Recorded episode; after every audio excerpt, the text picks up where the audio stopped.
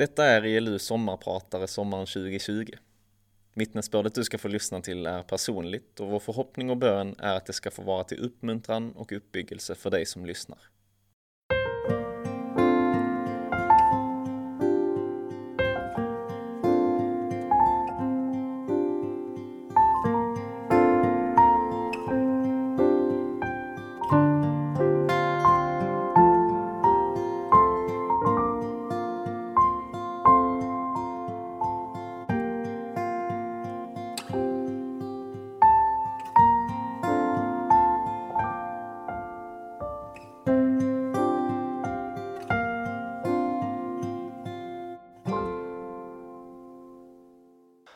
Mitt liv har jag tänkt, tänker och kommer nog också tänka svartvitt. I min värld är det en rimlig tanke att utifrån en frågeställning så finns det ett svar. Om jag undrar vilket är det bästa sättet att baka bröd, vilket är en av mina senaste frågeställningar, så borde det finnas ett svar som sedan resten av världen bör förhålla sig till, eller hur? När jag sen går till eh, vår matvarubutik så ser vi långt ifrån ett typ av bröd. Vi ser mängder av olika bröd, som nog alla anser att det har bakats på det perfekta sättet. För er som någon gång har försökt sätta sig in i brödbakning så vet ni om att det finns till och med massa olika sorters mjöl. Jag märker också att jag tycker att flera olika sorters bröd är gott och bra det är inte möjligt att avgöra vilket bröd som är bäst och sedan äta det resten av livet. När jag ställer mig frågan vilket är det bästa sättet att baka bröd? Ja, då kan jag inte få ett svar. Jag heter Linus Weister. Till vardags är jag gymnasielärare i matematik och fysik. Jag har nyligen flyttat till Malmö med min fru Filippa. I detta sommarprat tänkte jag prata om när jag i livet har brottats, eller brottas, med frågan vilket är det bästa sättet att vara en kristen? Jag vill inte göra några teologiska förklaringar eller utsagor med min berättelse, utan jag berättar hur jag har upplevt livet och de lärdomar jag har fått med mig under mina korta 29 år.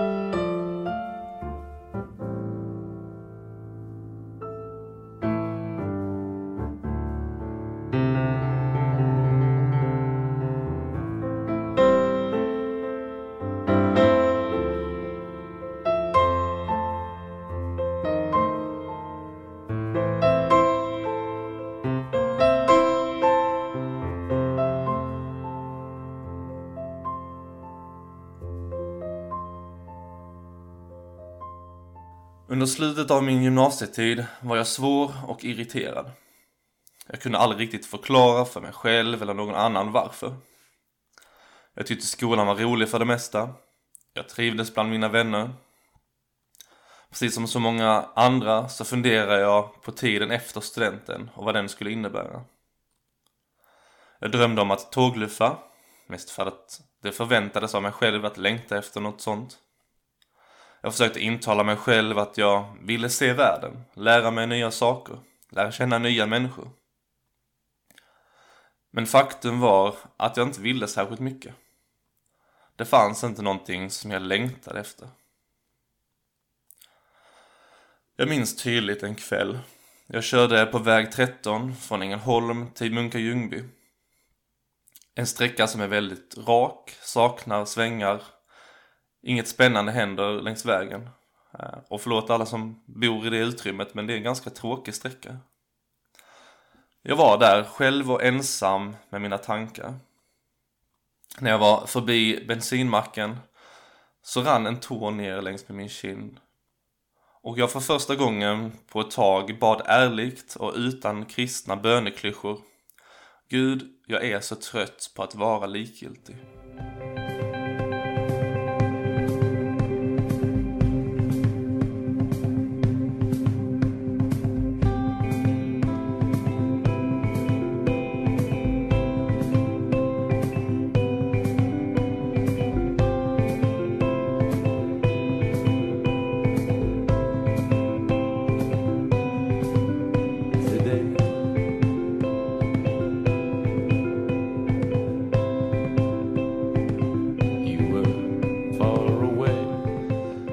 Kämpade med min tro precis som jag kämpade med min likgiltighet.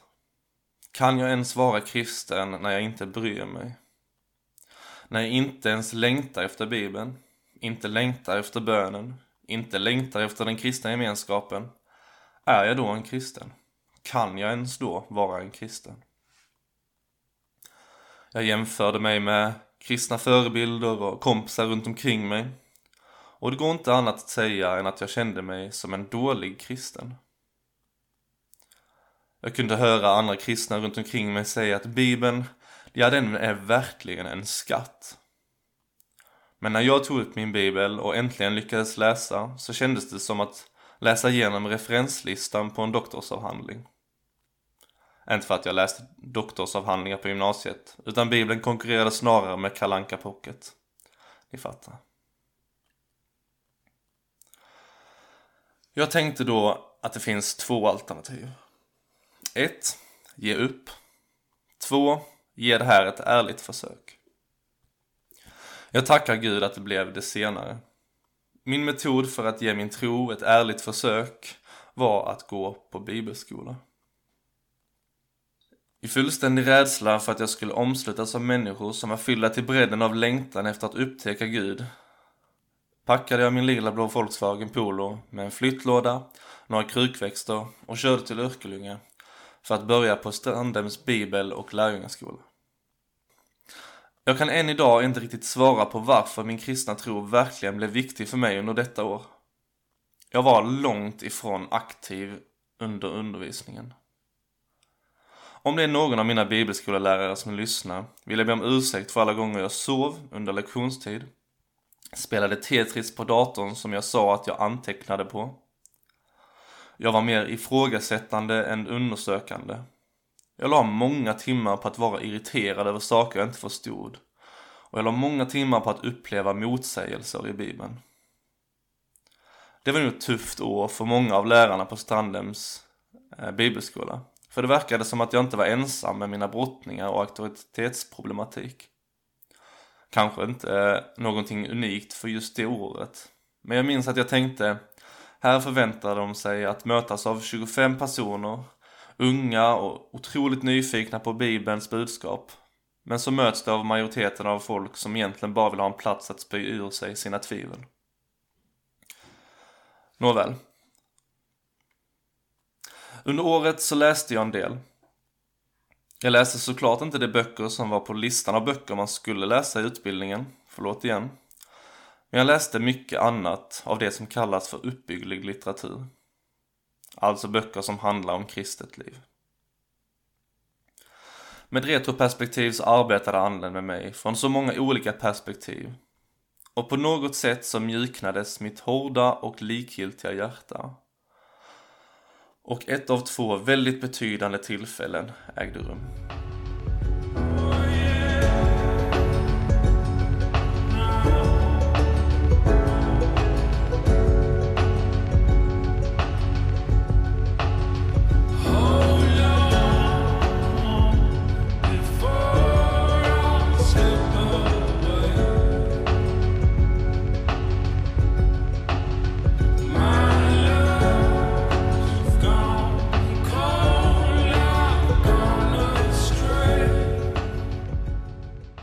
Var lov.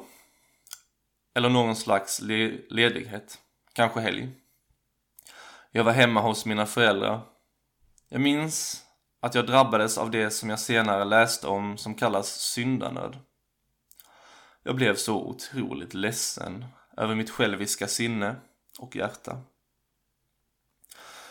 Jag drabbades av att jag i min likgiltighet satte mig själv till världens centrum och att jag utifrån mig själv värderade allt. Min längtan, mina känslor, mina handlingar var måttstock för allt. Jag var så självcentrerad att jag vid en punkt tänkte att eftersom att jag har svårt att förstå Gud, vill Gud inte bli förstådd. Vilken absurt emotionell, felaktig tanke. Jag tänkte i min stund av syndanöd då, Gud älskar mig villkorslöst, trots mina tvivel, likgiltighet och själviskhet. Och jag är trots detta likgiltig. I den stunden blev också förlåtelsen enorm för mig. Trots att den alltid egentligen har varit lika stor så blev den i just den stunden väldigt stor. För mig. Och på något sätt så blev det faktum att jag mitt i min likgiltighet också varit älskad och förlåten för mig tydlig och övermäktig. Min tro, som för mig upplevts som en rykande, blöt, trött brasa, hade nu tagit fyr ordentligt.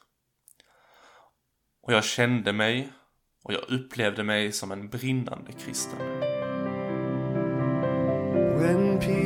Peace like a river attendeth my way. When sorrows like sea billows roll Whatever my lot you have taught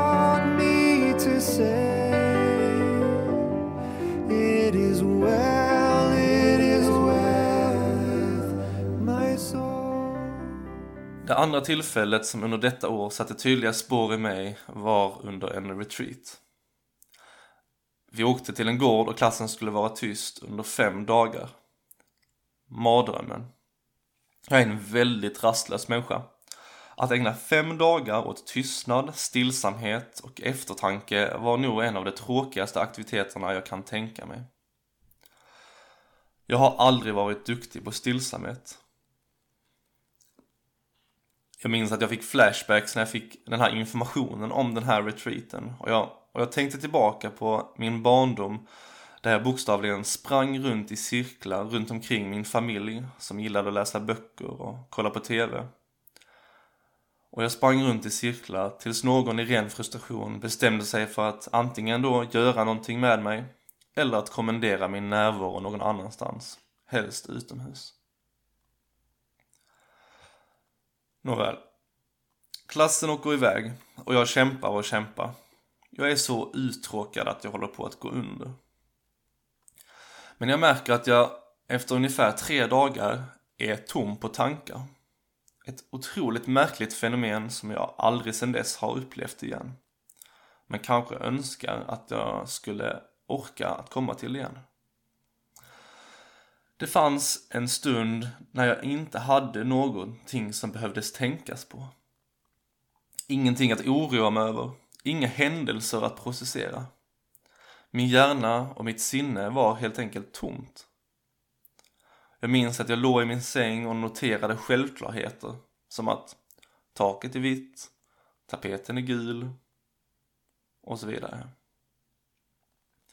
När uttråkadheten nådde sitt epicentrum tog jag fram en gammal sångbok. Ni kanske nu börjar förstå graden av uttråkadhet.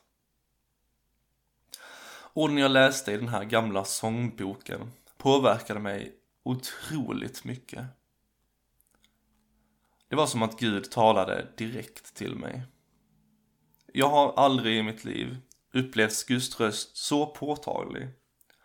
Och nej, det var inte som att jag hörde en röst i rummet. Men för mig i det tillfället så var det som Gud talade till mig, ostört och ofiltrerat. Mina tankar försvann inte bort någon annanstans. Jag var väldigt mottaglig för det som Gud ville säga mig. Då drabbades jag av en stark längtan över att helt enkelt berätta om min tro för andra. För mig var Gud konkret, tillgänglig och aktivt älskade både mig och hela mänskligheten.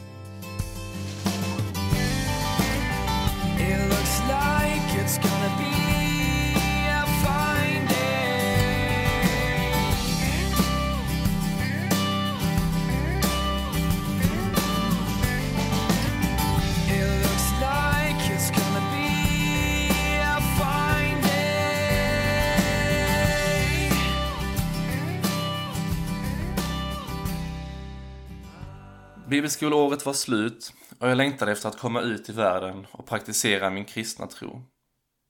Bibelskolebubblan var ett faktum och om jag ska vara helt ärlig är det ganska svårt att leva enligt missionsbefallningen när man går bibelskola. Man träffar väldigt få som inte är kristna. Men jag längtade efter att vara aktivt kristen. att fler skulle bli kristna och att jag skulle vara en del i det. Nu blev frågan, vilket är det bästa sättet att vara en kristen aktuell? Jag tackade nej till min utbildningsplats på LTH och tänkte att ingen som tar sin kristna tro på allvar kan väl plugga, klippa sig och skaffa sig ett jobb. Nej, den som brinner för sin tro blir radikal, missionär, pastor eller gatuevangelist. Det var min uppfattning om det perfekta sättet att vara och praktisera sin kristna tro. Det som alla skulle göra om de bara fattade grejen. Jag beslutade mig för att vara ungdomsledare i en EFS-kyrka i Ängelholm. Det var en roll som var väldigt fri. Vi eh, ungdomsledare valde våra uppdrag själva och vi kom i väldigt mycket direktkontakt med människor som vi inte annars skulle träffa. Det fanns guldlägen att berätta om Jesus för människor som inte har träffat honom ännu. Jag kunde be om helande för alla sjuka jag träffade. Jag tänkte att det ska minsann bli väckelse i Ängelholm. Kyrkorna skulle fyllas. Och jag ska gå på mina bönemöten klockan 07.00 med händerna uppsträckta mot taket och tacka Jesus för alla nya kristna i Ängelholm. Mycket hände det året. Mycket fint. Jag träffade väldigt fina människor. Jag fick berätta om Jesus. Jag fick be för sjuka. Jag fick se människor bli helade. Jag fick till och med se människor säga sitt ja till Jesus. Men det fanns i mig hela tiden en känsla av att jag egentligen inte passade. Men jag pressade in mig i den här kulturen. Jag lärde mig hur riktigt andliga människor bad, hur man umgicks och vad man pratade om. Jag var ju en brinnande kristen och då ska jag ju bete mig som en brinnande kristen ska göra.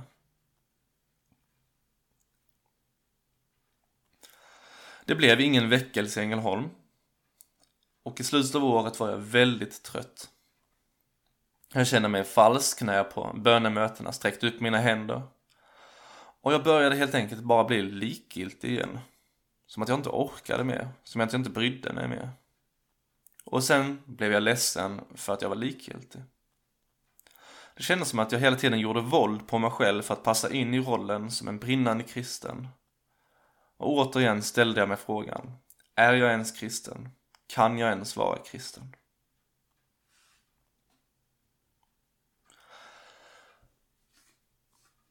Så när en nybörjare lär sig något nytt så pendlade jag i ytterligheter. Ni vet, man kompenserar. När man lär sig köra bil eller cykel, när man börjar röra sig mot ena vägkanten, svänger man snabbt för att kompensera så hamnar man i andra diket. Om ni någon gång har spelat eh, dator eller tv-spel, eh, ett bilspel, så vet ni vad jag pratar om. Man kör alltid full gas och sen så svänger man höger och vänster och så studsar man mellan bilbanans väggar. Denna sommar har jag börjat spela lite discgolf, lite mer än vanligt. Där står man vid T, det vill säga utkastplattformen kan man säga. Och så laddar jag, um, laddar jag upp och drömmer om en 100 meters perfekt drive. Och så lassar jag allt vad jag kan, 100% rakt in i trädet som står 5 meter snett framför mig till höger. Och så blir jag frustrerad och så ska jag kompensera och så kastar jag igen. Om än hårdare, 100% rakt fram i trädet snett framför mig. Till vänster. Precis som med discgolf, cykling och bilkörning i datorspel så pendlar jag i ytterligheter i min frågeställning om hur en kristen bör leva och vara. Nu så hoppar jag från ena diket till andra diket. Och jag tänkte att den som kan vila i sin tro behöver inte vara så radikal. Jag tänkte att jag minsann ska klippa mig och skaffa mig ett jobb. Jag ska lovsjunga Herren genom att sköta mitt stabila jobb, med min positiva arbetsmoral och lojalitet berätta om Jesus för människor runt omkring mig. Återigen var jag svartvitt i min tankesätt och tänkte så här måste ju alla som har mognat i sitt kristna liv leva. Detta är det perfekta sättet. Om jag ska vara helt ärlig så såg jag tillbaka på mitt år som ungdomsledare och tänkte att det som lever så gör bara våld på sitt eget väsen. Det har lurats in i en viss form, pressats in i en viss mall för att höra samman i någon typ av elitgrupp kristna, där det inte fanns utrymme att vara ledsen eller tvivla. Det som tar det lite lugnare, inte är så eldiga i sitt andliga liv, det har minsann hittat något. Mognad. Jag började studera. Pretentiöst nog läste jag teoretisk filosofi, både grundkurs och fortsättningskurs. Jag måste säga så för att distansera mig lite ifrån det, för att inte uppfattas så dryg. Men jag tyckte det var roligt. Mycket roligt. Jag trivdes med det genuina som fanns där.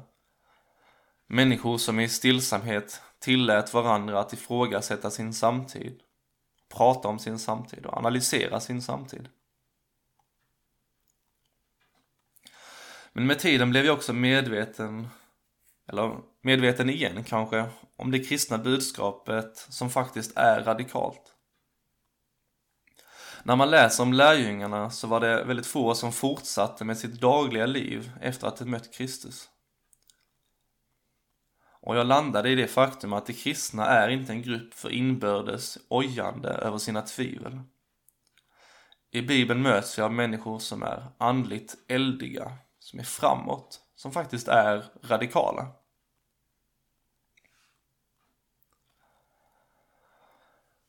Åren går och nu är jag här idag. Och jag tittar tillbaka på mitt kristna liv. Jag har onekligen pendlat i åsikter och livsstil. Inte bara en gång utan väldigt många gånger. Fram och tillbaka. Jag kan inte låta bli att prata om en matematisk liknelse när jag tänker på det som jag har sagt hittills. Det finns någonting som heter dämpad harmonisk oscillation. En oscillering är någonting som pendlar mellan två punkter. Ni kan tänka om man hänger upp en liten metallkula i ett snöre, höjer upp den lite och släpper den så kommer den pendla mellan eh, de här punkterna. En dämpad harmonisk oscillation är något som pendlar, men för varje pendling så blir den mindre och mindre kraftig. Precis som när man tar en metallkula, hänger upp den i en tråd och släpper den, så kommer den med tiden pendlingen bli mindre och mindre tills man pendlar runt ett litet centrum. För med varje pendling då, i överförd bemärkelse i det kristna livet och tanken om det, så för varje pendling så får jag mer förståelse för människor, hur andra tänker, hur andra lever annorlunda. Mer förståelse för Bibeln och kanske framförallt en ödmjukhet för mitt eget förnuft. Jag kommer aldrig att kunna kasta 100% i exakt rätt riktning. Jag kommer aldrig vara perfekt. Det verkar som att det är den kristnes lott att pendla lite fram och tillbaka. Att arbetas på av Gud. Vad är då egentligen svaret på frågan hur är man en perfekt kristen? Det egentliga svaret har jag pratat väldigt lite om och egentligen eh, är det inte det som jag ville prata om i just detta sommarprat. Men det är en bas som vi ändå behöver påminnas om. Att vara kristen handlar väldigt, väldigt lite om hur vi ska bete oss och handlar desto mer om Kristus. Att vara kristen är att ta emot Kristus som sin frälsare, inte att bete sig eller känna på ett visst sätt. Men tillbaka till det jag egentligen ville säga och prata om. Alltså, hur man på ett bra sätt och ett korrekt sätt praktiserar sin kristna tro. Min tanke är så här, att i Kristi kyrka behöver vi gatuevangelister. Vi behöver arbetande lutheraner. Vi behöver brinnande bönemänniskor som frimodigt ber för de sjuka som de träffar på stan. Vi behöver pastorer, studerande, missionärer, sportfånar, stillsamma människor, eldiga människor. Det finns inte en mall, en form som vi alla ska pressas ner i när vi upptäckt befrielsen i Kristus. Min andra poäng utifrån att prata om det här är också det faktum att vi ska leva tillsammans som en kyrka, som en församling och som en gemenskap.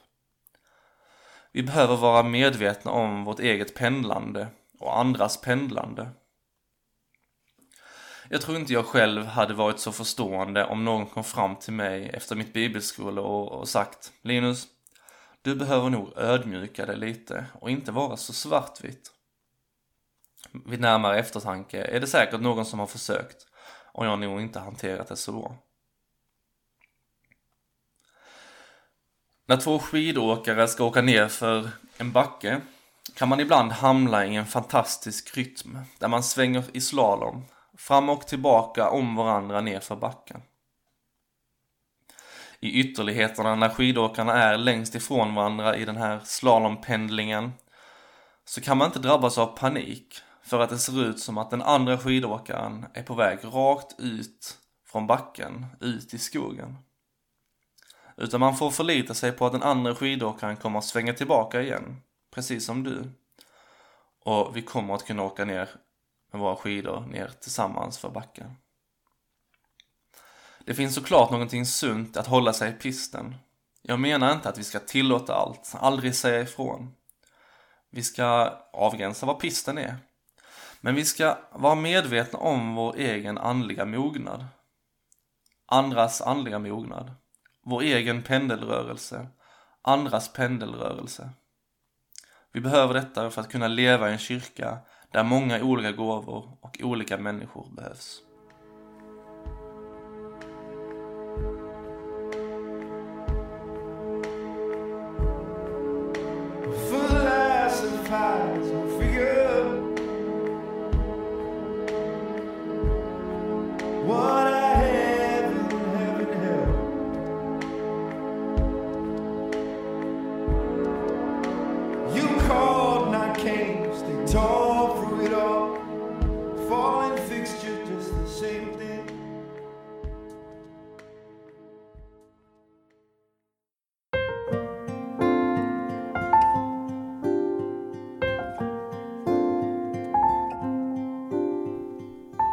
Du har lyssnat på ELU sommarprat. Du hittar våra andra avsnitt i ELU-arkivet via din podcastapp eller på elungdom.se. Där kan du dessutom ge en gåva eller bli månadsgåvogivare till ELU. Tack för att du lyssnat. Ha en fin sommar.